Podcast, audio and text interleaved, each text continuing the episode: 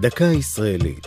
השבוע עצים לכבוד ט"ו בשבט, והפעם אבי היערות.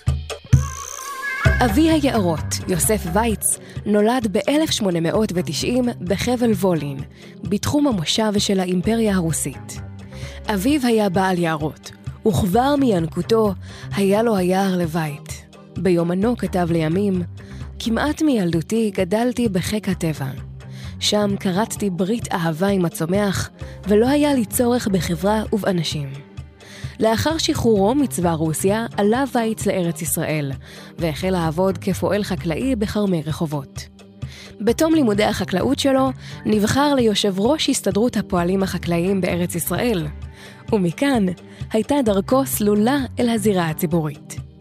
כראש מחלקת הקרקעות והייעור של הקרן הקיימת, עמד בחזית מפעל הקמת ההתיישבות, רכישת הקרקעות והייעור בארץ ישראל בתקופת המנדט הבריטי ובשנותיה הראשונות של המדינה.